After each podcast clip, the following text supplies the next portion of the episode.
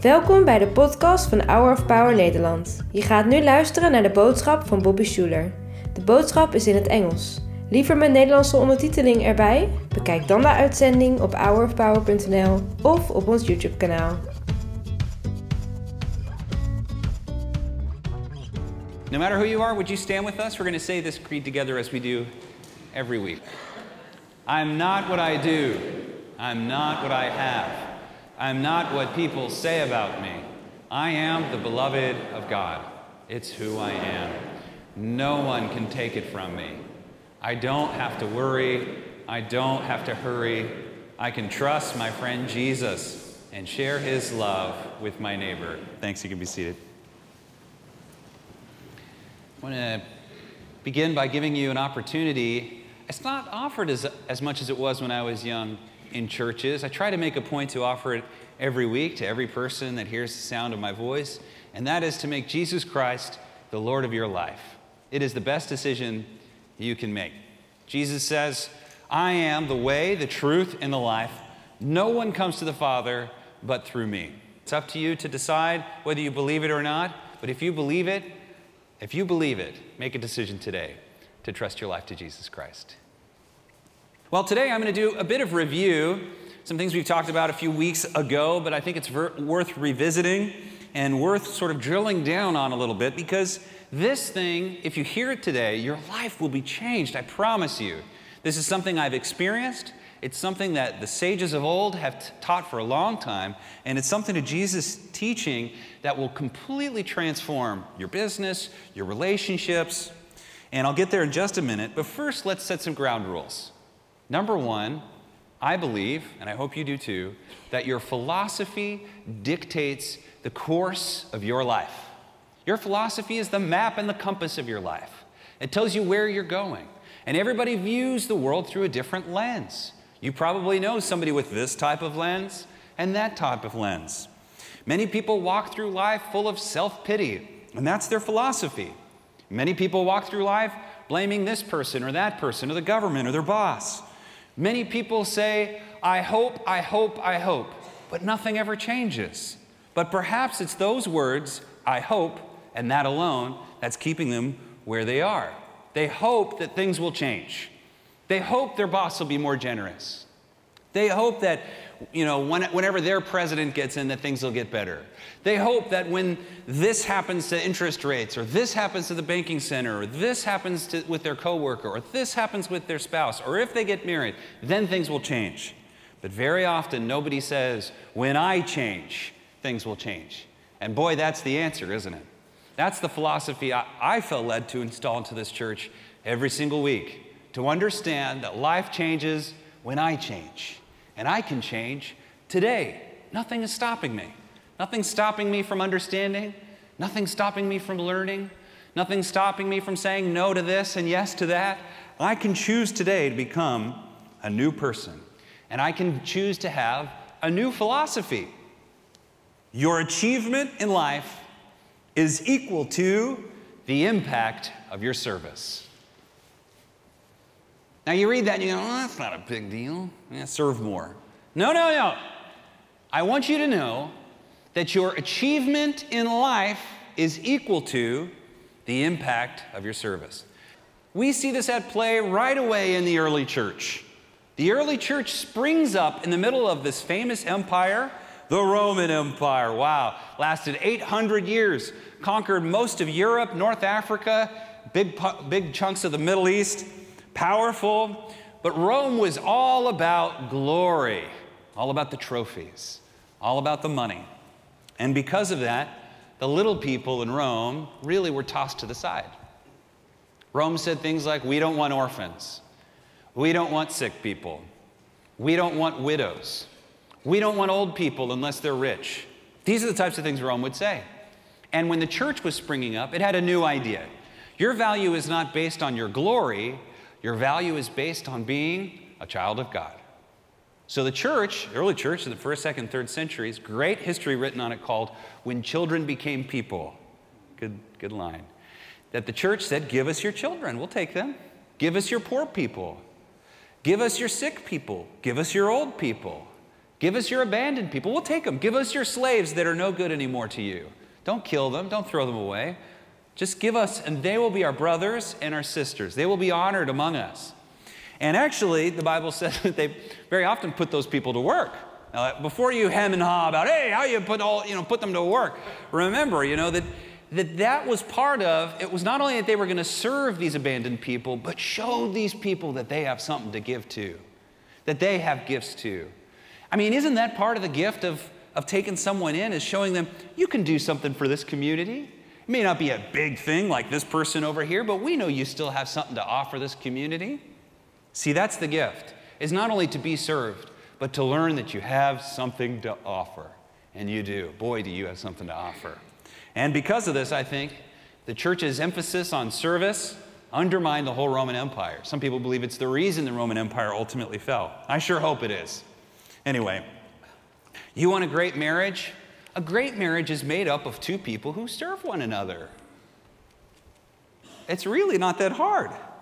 You want a great team? A great team is a group of people who serve one another and serve a greater goal.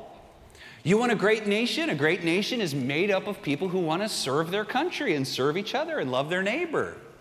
In fact, even when people are in the military and they do what? What do they do? They they serve, right? We use the word they serve. That's a I think that's a new word. I'm not sure, but it sounds good.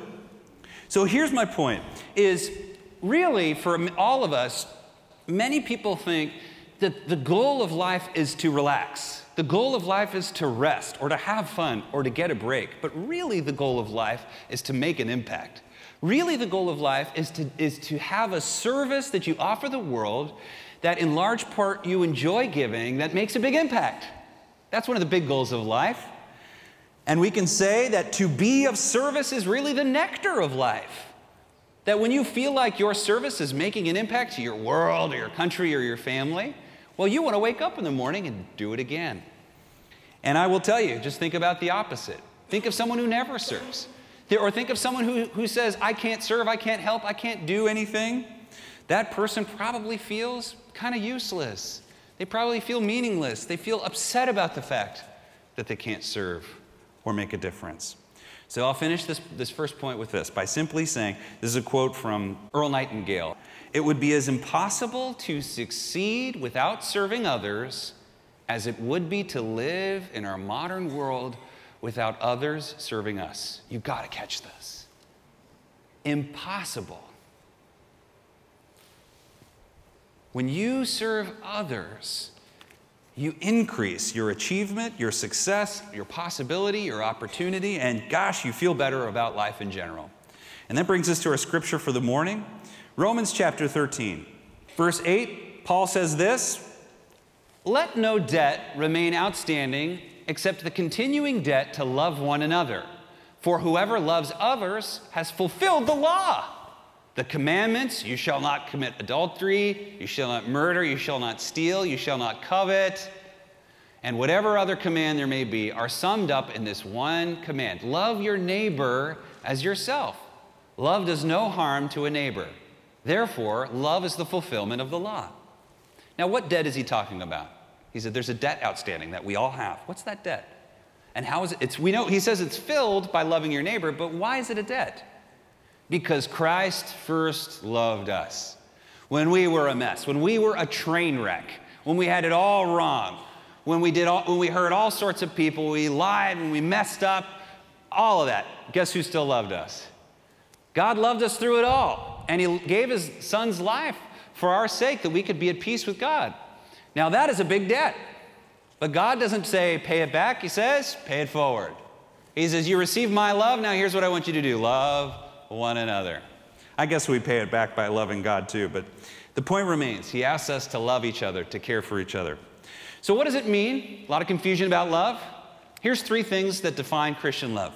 First one, you probably know I'm going to say it Christian love is not a feeling. Christian love is a verb. It's something you do for the benefit of others. Love is care for human good. This is why you could love your enemies. Love is care for human good. In other words, love is service.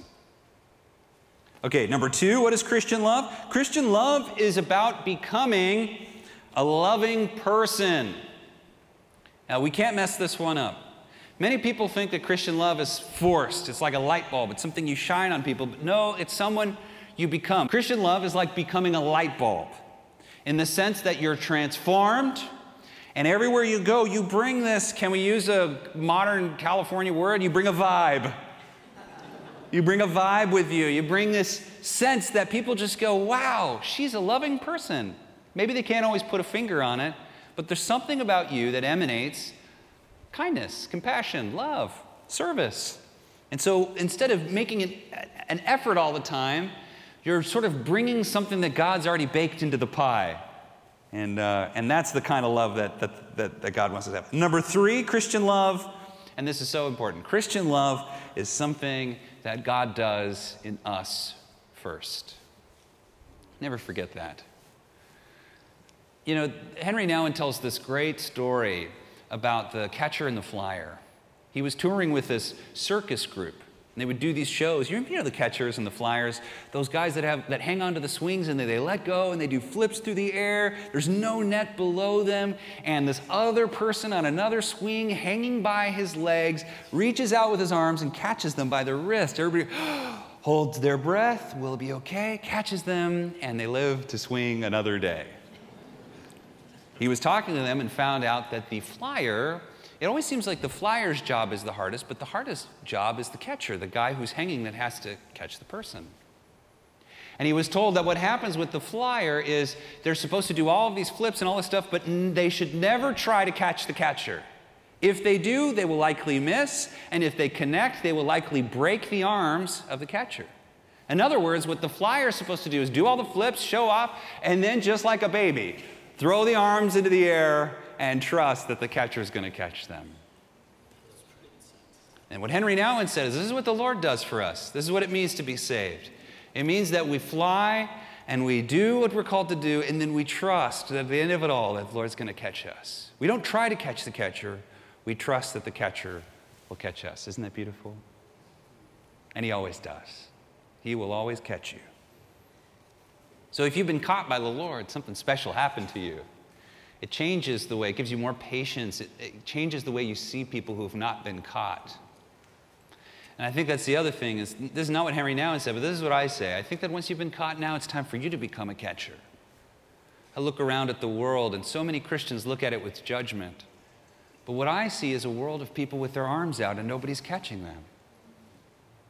And so, what a great moment it is in life when you are led of the Spirit and you catch somebody by those arms and you, you bring them into the house of God. You, you, you encourage them in some way, you touch them in some way, you pray for them in some way, you serve them in some way. Not trying to always convert them or trying to get something out of them, but just because you love them and believe that the Lord will do the rest. Well, anyway, uh, Christian love is something God does in us first. So here's another way of saying it. If we want to love people, find a need and fill it. You want to make an impact? Find a need and fill it. Finding a need and filling it is a, is a discovery. It's getting out there and understanding that people have needs and that there's something in me that can help them achieve whatever it is that they're lacking. So, you want success in academia? Do you want success in your church or in your relationships? Do you want success in your business, success in your Christian walk? Then find a need and feel it. Learn to serve people, make a difference in people's lives. Your achievement is equal to the impact of your service. This is because it's the law of reciprocity. Now, the law of reciprocity basically says what comes around goes around. It says this effectively the law of reciprocity, others always feel obliged to return a favor. Now, that's not a good reason to serve someone, right?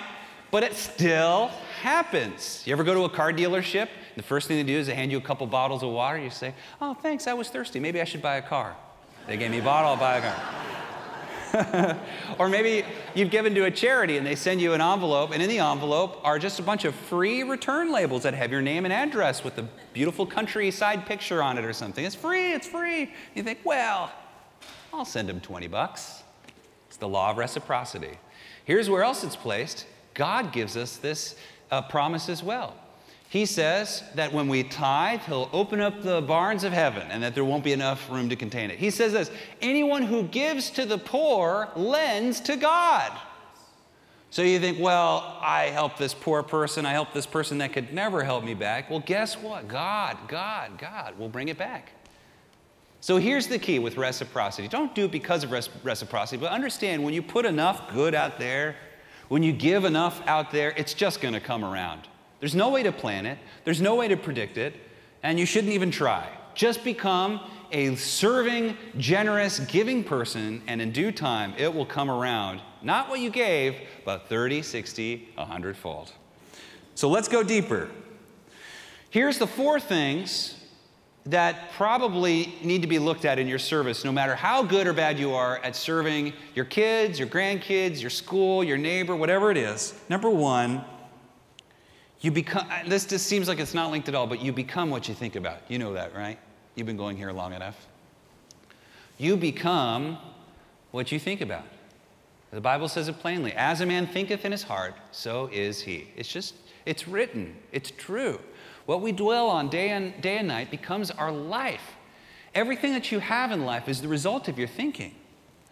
Guard your thinking and, and tend to thoughts that are loving, positive, and good and you'll bring that into your service. The number one thing that's destroying love and service today in our country, in our schools, and everything is fear. It's fear. Fear is the greatest enemy of love. The Bible says that perfect love casts out fear, but I think it's also true that perfect fear casts out love. Here's a choice you have every single day to serve or not to serve. Here's a choice you have every single day to take action or do nothing. Here's a choice you have every single day to expand your life or to shrink your life. And it all happens here. Take action. And I'll go the last three super quick. Here's the most important, probably of all of them. It's not about whether or not I serve, it's about how others experience my service. Friends, please hear this one. It's more about what people experience from you.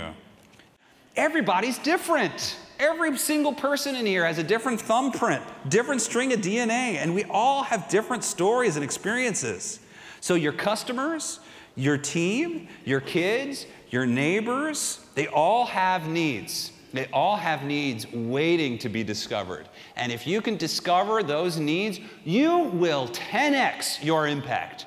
There's no extra work required other than this understanding the heart of the person you're wanting to serve. If you get that right, you're going to get it all right. Here's a number three. Number three, most obvious thing, can we just say, I just want to say this. There are people here who serve and serve and serve and are just being walked all over. We'll just say this. I love these people so much. I got to say this. You heard it from your pastor. You are limited. You're limited, okay? So don't be worried about putting up healthy boundaries. And finally, number four, don't forget, Jesus tells us to love our enemies. But there is a real practical benefit to serving your enemies, to serving your competitors. We're even called to love and serve our enemies as Christians. Here's why, and this is the biggest thing. Because when you love your enemies, you stop blaming them for your problems. When you love your enemies, you stop blaming them for your problems. And that's when everything will change in your life. Everything. So, what do you want from life? You want to be more happy in life? You want to have a more full life? You want to wake up excited in the morning? You want to have more friends? You want to grow? You want to achieve more? You want to please God with your life? Understand that your level of achievement of life is equal to the impact of your service. Father, we ask that you teach us and show us how to make an impact with our lives. I pray first that every single person in this room would know that this sermon is for them, that they would see the special ways in which they can serve and make a difference. We love you, God. It's in Jesus' name we pray. Amen. And now the Lord bless you and keep you. The Lord make his face to shine upon you and be gracious unto you. The Lord lift his countenance upon you and give you peace. In the name of the Father, and of the Son, and of the Holy Spirit. Amen. Bedankt voor het luisteren naar de podcast van deze week. We hopen dat deze boodschap jou heeft bemoedigd. Wil je meer weten over Hour of Power of dagelijkse bemoedigingen ontvangen? Ga dan naar www.hourofpower.nl.